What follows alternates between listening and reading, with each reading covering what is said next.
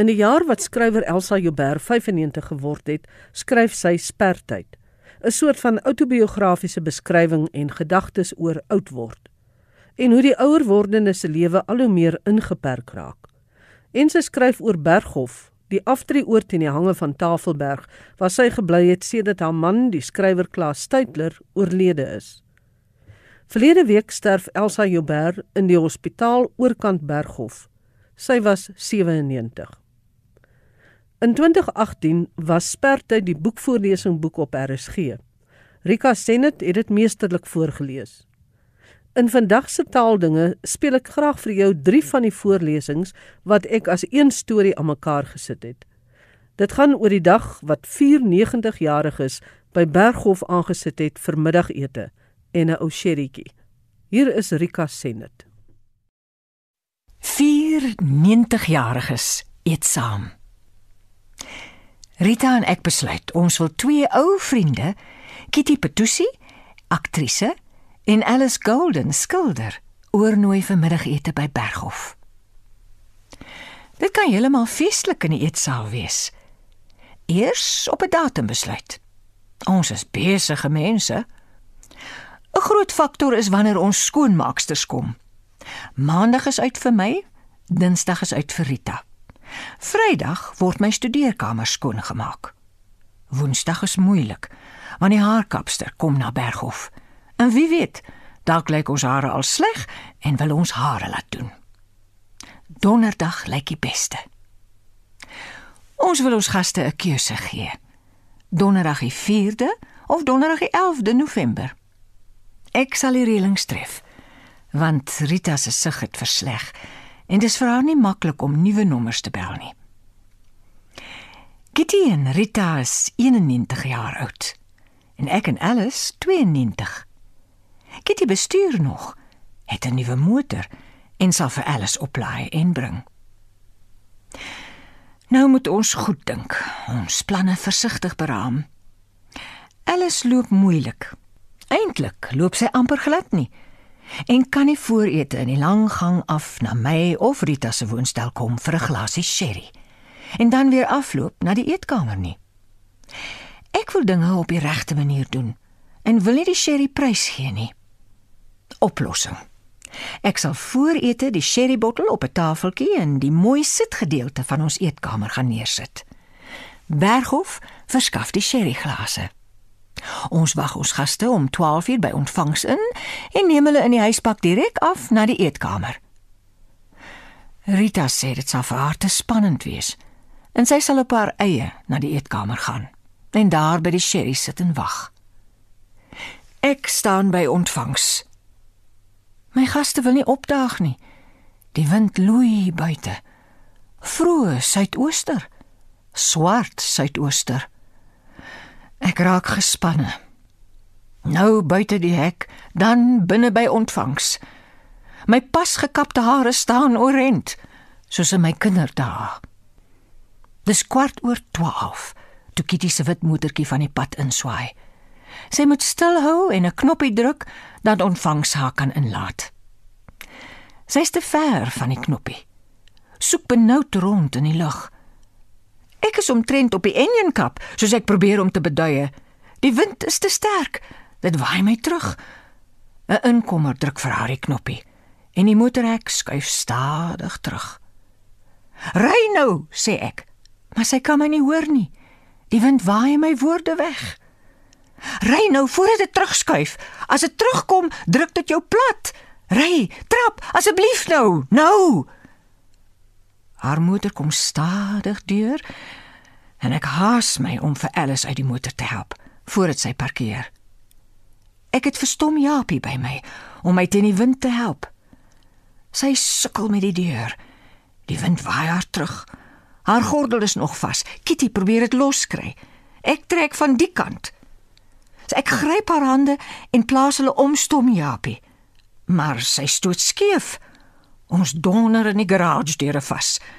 Dis nou ek en sy wat klou aan stom Japie. Terugdruk teen die wind wat ons wil skep. Dan is ons om die draai en beskut. Makiti mak terug in die wind en motor toe. Sy moet die blomme gaan haal. Ons wag vir haar. Sy druk haar hare vas met die een hand, die ander een klou aan 'n potplant.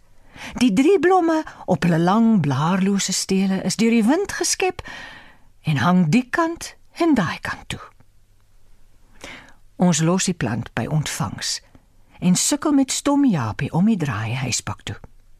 Ons sak af, die deur gaan oop en Rita staan daar. Ek wag vir julle. Ek kom soek julle. Eindelik sit ons en ek skink die sherry in. Almal het 'n skiekie alkohol nodig. I love a little drink before a meal, sê Alice. Ek pronk. Ek het geweet dis haar tipe ding. Die eetkamer begin voller word. Na die drankie skuif ons na ons tafel. Die sop vind groot byval. Broccoli sop. Berghof is bekend vir sy sop. Maar iemand het ons 94-jariges aan die vierkantige tafeltjie opgelet. Een van die inwoners, George Henry, kom in sy skik na ons tafel oorgestap. Hy buig oor Kitty. Hy het jare gewerk by die vineyard. Kitty is op haar impulsiewe manier verheug om hom te sien. Sy staan half op soos sy gesels. Dan kom George se vrou by. Nou zoom dit eers. En ou kennisse kom Alice groet. Ons kan skaars eet. Alice eet swaar aan haar slaai. Ek hou haar beangst op. Met die een hand, sy sien sleg, die ertjies hardloop weg van haar vurk. Die klein tomaties weier om vasgedruk te word. Maar sy hou vol tot haar bord leeg is. Groen boontjie bredie. Die vleis is sag. Ons kan maklik kou. Dis nie ons beste ete nie, maar dit kan gaan.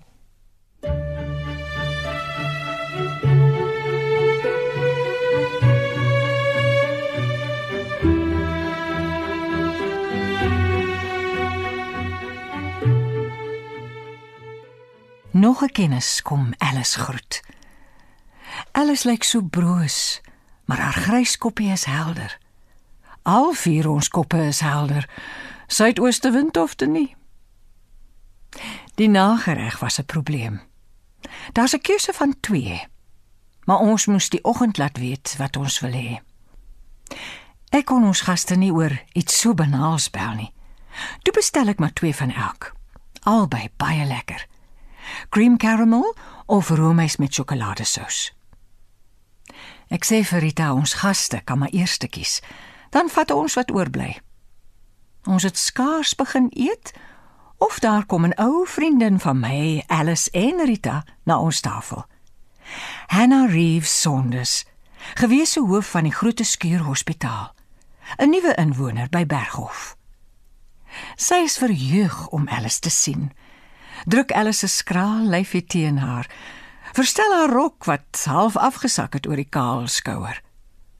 Hoe kuis en teer lyk haar wit velletjie nie.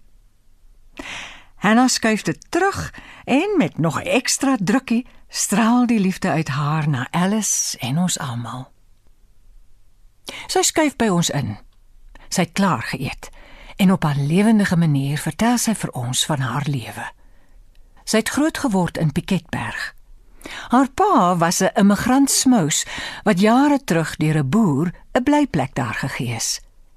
Hy het sy vrou uit Litoue in die Kaap gaan haal. Hy het later nog 'n kamer aangebou. Hanna en haar broer is daar gebore. Hulle het met die boer se kinders groot geword en skool gegaan. Ons is nog vriende, sê sy opgewonde. Hulle kom haal my om Kersfees by hulle in Gordons Bay te kom deurbring.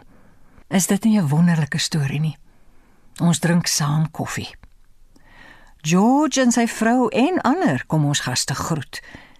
Wie wat? Sê Kitty opgewonde. Dis nie ete nie, dis 'n happening.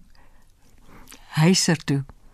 Op die lang pad na my woonstel waarin ek hulle gelok het vir 'n Midde-Oosterse lekkerny wat my kleindogter wat by 'n kerel in Bahrein gekuier het, vir my teruggebring het, is ek en Alice saamgesmelt oor stom Japie. Stampend teen deure en stotend teen droë blare en blomrangskikkings op die vloer by die woonsteldeure. met Rita en Kitty agterna wat nog steeds hardop verkondig dis 'n happening. Dis wat dit is.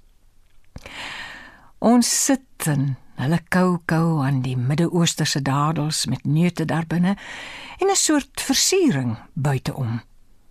Hulle bewonder my studeerkamer wat op 'n aanvaarbare manier deurmekaar is met hoope papiere opgestapel op my lessenaar en teruggeskuif teen die muur. Sommige skuins afgesak. Laas keer het Alice gesê dis 'n mooi kamer met al die boeke, maar too tidy. Nou het ek haar my ware self gewys, soos die bedoeling was. Weer gang af. Die suidooster loei nog steeds en ons moet hulle by die motor kry. Dis weer ou stom Japie. Maar ek hanteer dit nou beter. Alice voor en my arms van agter om haar, soos jy iemand op jou fiets oplaai en op die handvatsels. Saam stoot en beer ons teen die swart sydoos wat op ons toesak soos op 'n prooi. 'n Motordeur wat Kitty oopmaak, swaai terug en klap die wind uit ons uit. Toe Alice eers binne sit, moet ons druk om die deur weer toe te kry. "Ry Kitty, ry!" Die motor is op die streep wat die hek beheer. En die hek begin rukkerig beweeg en afsluip op die motor.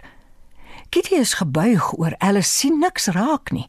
Los Alice se gordel, Kitty, trap die petrol. Maar dit is te laat. Die hek sluip by hulle verby. Onkeerbaar as dit eers begin roer het. Trurat so 'n bietjie Kitty skreek. Terug op die streep, maar ry dan. Los die gordel, ry net maar sy hoor my nie. Sien nie waar ek in die loeiende wind my arms 'n oomblik losmaak van Stom Japie voor die vooruit waai en Stom Japie dan begin rondkatrol nie. Wat sal my kinders sê as hulle my nou sien? Ek wat so floutjies bewerig is by hulle en met alles gehelp moet word. Ek hoor tog 'n gebrom. Sy trappie pedaal en die motortjie stoot na vore en ek skree: "Hou aan, trap Kitty, anders word jy soos 'n konsertina vasgedruk." Die onstuitbare hek gee hulle net net kans om deur te ry. Hulle draai stadig by die hek uit. In die straat af. Hulle is weg.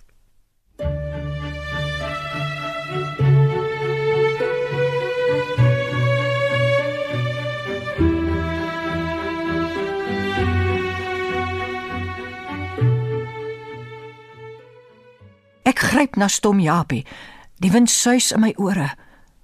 So na aan die mure as wat ek kan, trotseer ons die wind. Vat die draai om die hoek, stamel tot by die ingang. Rita het die aftog geblaas en is terug na haar woonstel. Ek loop in by die boaardse windstilte van ontvangs. Gedaan. Mevrou, hoor ek van ontvangs, die plant Twee van die groot pink blomgesigte kyk op na my. Die derde se steel is deur die wind geknak. Dit hang teen 'n akute hoek grond toe. 'n Klein, skerp bitterheid in die stengel. Jammer blom, dit gebeur maar. Ons knak self hier in Berghof. Dankbaar vir stom Japie wat die plant op sy boesem ontvang. Ek werp my neer op my bed klaar. Verlaas het ek onthaal. 'n Paar maande later hoor ons dat Alice oorlede is. En vroeg in die volgende week ook Kitty na 'n beroerte. Dis hoe dit is om oud te wees. Op en af.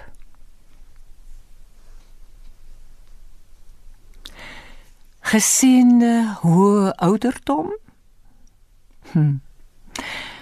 Bring die hoë ouderdom dan net verlies. Net leef met vermindering op elke terrein. Waarom word dit 'n geseënde hoë ouderdom genoem? Vriendskap? Jou ou vriende dryf verder en verder van jou af weg. Dan verdwyn. Hulle sterf. Nuwe vriendskappe? Die is ook prekêr. Daar is 'n vriendin hier by wie ek onmiddellik aanklank gevind het. En sy by my. Ons belangstellings was dieselfde. Ek stap eendag in die gang by haar verby en vra vriendelik: "Gaan ons vanmiddag saam 'n entjie loop?" Toe ek verby is, hoor ek hoe sy op skril toon vir die vrou langs haar vra: "Wie is daai vrou wat met my gepraat het? Wat is haar naam?" Dit was 'n teken van Alzheimer. Dit bring droefheid mee. 'n Ander vriendin is in die hospitaal. Ek het nie die krag of durf om oor die pad te loop en haar saal te gaan soek nie. Ons laat mekaar in die steek op ons ouderdom. Ek het een van die oues geword. Ek dink nie die nuwe inkommers stel baie belang in ons oues nie. So 'n belegging is, soos ek dit sien, te broos. Te groot 'n vriendskapsbelegging in iemand wat daardie juiste nag kan val en oorgestoot moet word hospitaal toe en dalk nooit weer sal terugkom nie. Soos wat gebeur het met een vriendin met wie ek 'n noue band gesmee het deur boeke. Sy het vir my met my eerste heupvervanging letterlik 'n groot plastieksak vol boeke gebring. Geen haas nie, sê sy. Soek maar op jou gemak deur en lees wat jy wil. Ek het wonderlike, vir my onontdekte skrywers in daardie sak gekry. Sy het met verloop van tyd 'n tweede heupvervanging gehad en ek het haar oorlaai met boeke. En toe 'n terugslag. Sy word op 'n oggend wakker en kan haar bene nie roer nie. Sy het ook aan 'n bloedsiekte gely en die pille daarvoor het groot skade aan haar gestel aangerig. Die maandagooggend sê sy vir my: "Don't bring any more books." My hands are not strong enough to hold them. Die dinsdagoggend sê sy, I've had a good long life. Sy het pas 90 geword. And I will accept what and when I have to. Die woensdagoggend vertel die verpleegster my, sy het in die nag 'n totale ineenstorting, hart en longe gehad en is hospitaal toegeneem waar sy in die intensiewe sorgeenheid opgeneem is. Hulle het haar kinders laat kom. Saterdagnag sterf sy. So vinnige einde. Wat is dan die wins van 'n geseënde hoë ouderdom? Wat hier met helder ligte uitstaan, is jou kinders. Die band wat sterker, inniger word met jou kinders en jou kleinkinders. Moenie my verkeerd verstaan nie. Daar kan moeilike ou mense wees. Baie moeilike ou mense vir wie die kinders verpes sodat hulle wens dat die ou mense maar moet sterf. Maar as jy jou werklik daarop instel om te probeer om nie 'n moeilike ou mens te wees nie. As jy nie inmeng met die kleinkinders se lewens nie. As jy probeer om nie te kla en nie raad te gee nie, kan die verhouding verinnig en gedei.